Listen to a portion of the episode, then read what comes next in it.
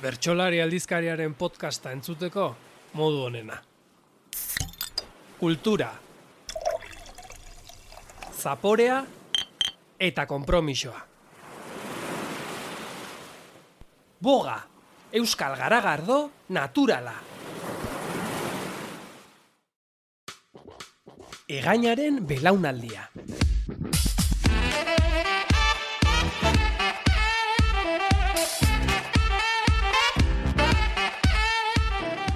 Bertsolaritzan lurrikara eragin zuen belaunaldi baten pasadizoak eta gogoetak.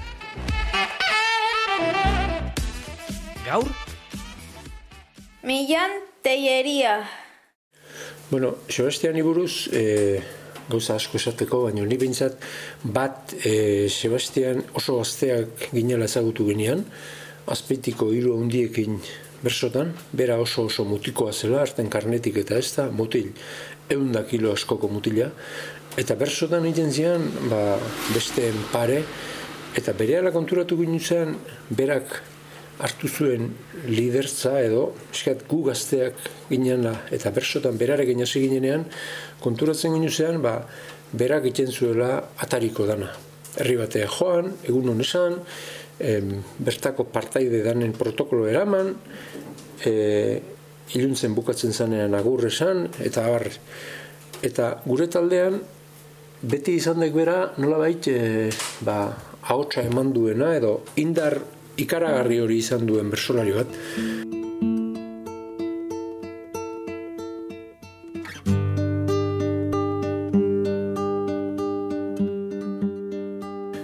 Baita ere, pixkat, berak deskubritu zuela uste dianik, bastan erreka hori, zere hor herri guzietan izan gaitu bersotan, eta saio denetan bera partai duen.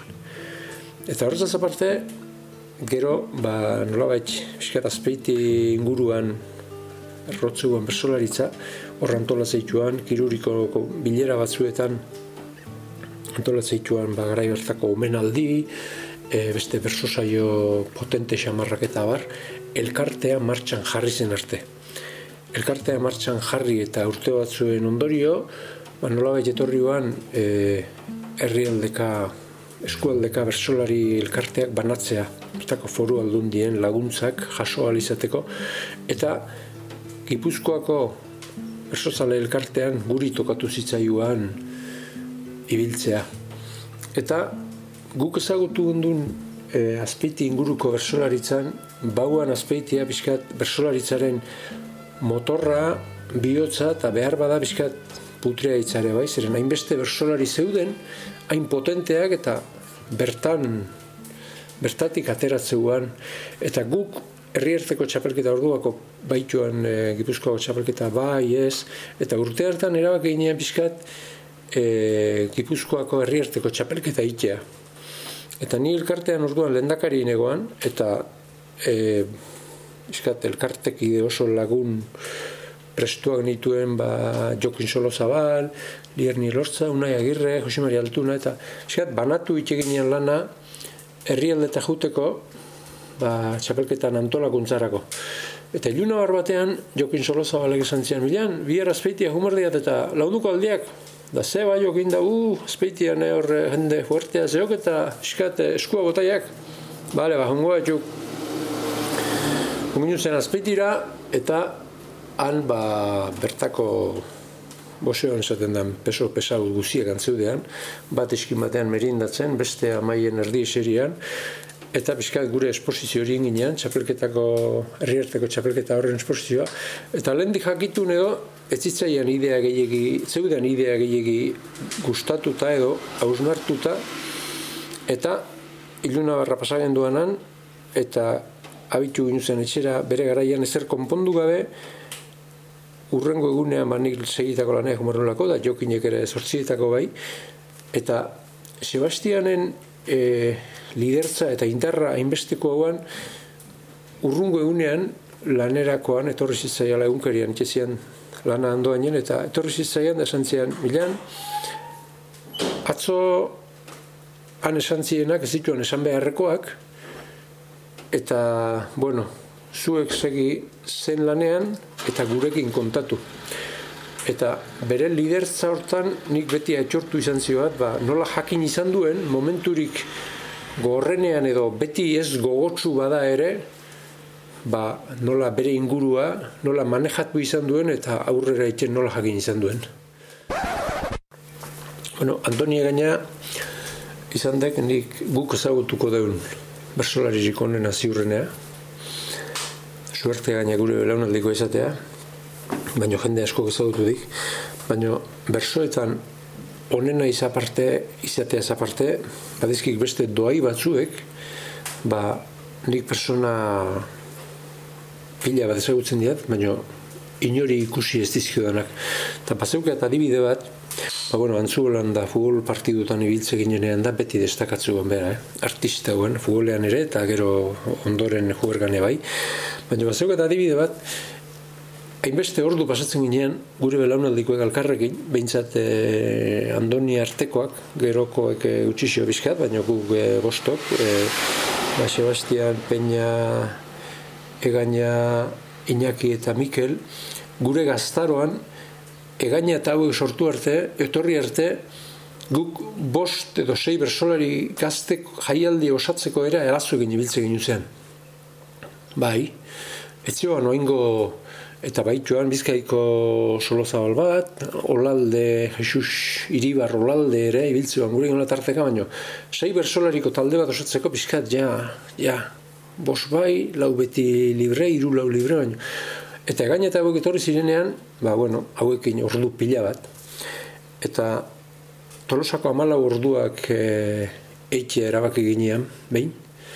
Eta hasi zen prestatzen, bueno, prestatzen hasi behar gendula erabaki ginean, Sebastian, Murua, egainatanik.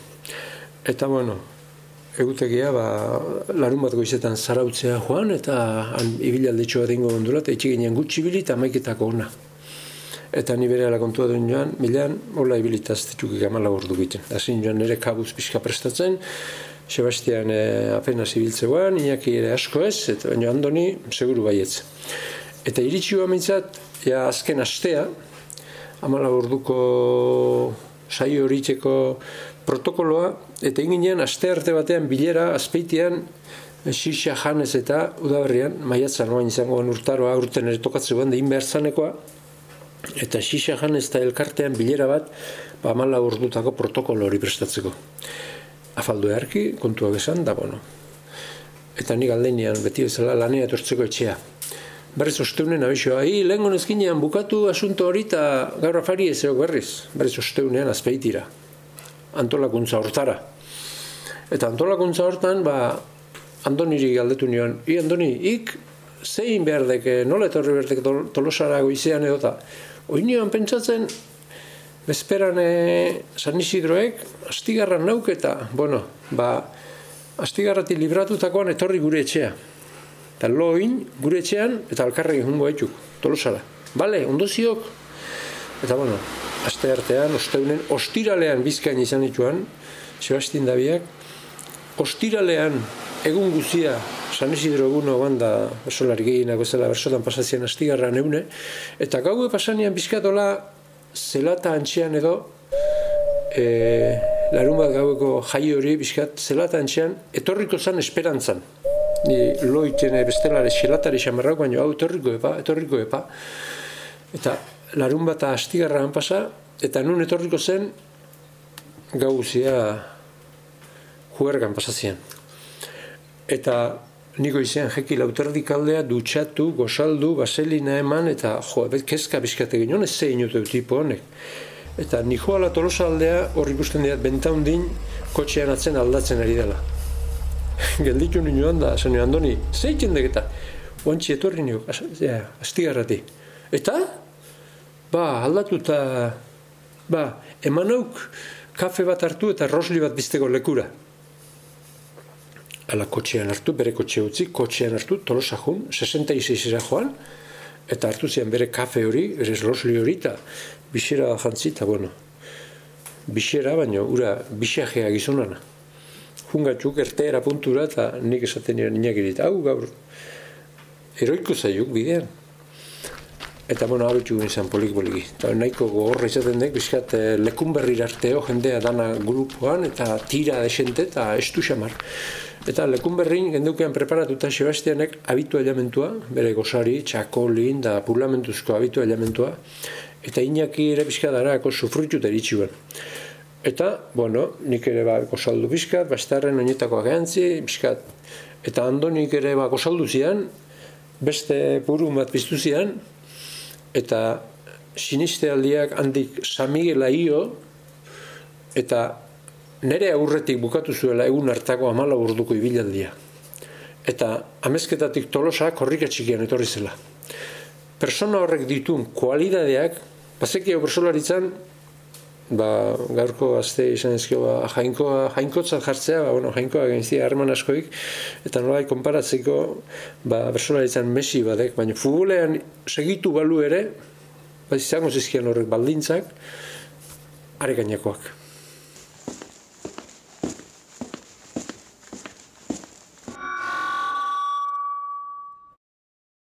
Iñaki bikaina zen, Sebastian haundina, Mikel oso formala eta ezberdina. Angel Mari guztiok nasten zakina, Erlauntza hontan andoni denon erregina. Jon igual argina, ta jokin txikina, Xavier Pampina, Juan Josefina, milan ere tartean anzen jakina, amaika gauz xelebren badeu egina.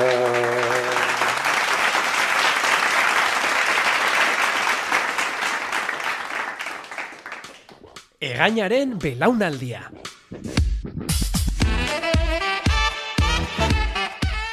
Belaunaldi honen pasadizo eta gogoeten inguruan gehiago jakin nahi baduzu, eskatu gure aleberezi hau bertsolari.eusen edo idatzi administrazioa abildua bertsolari.eusera. Ondo segi,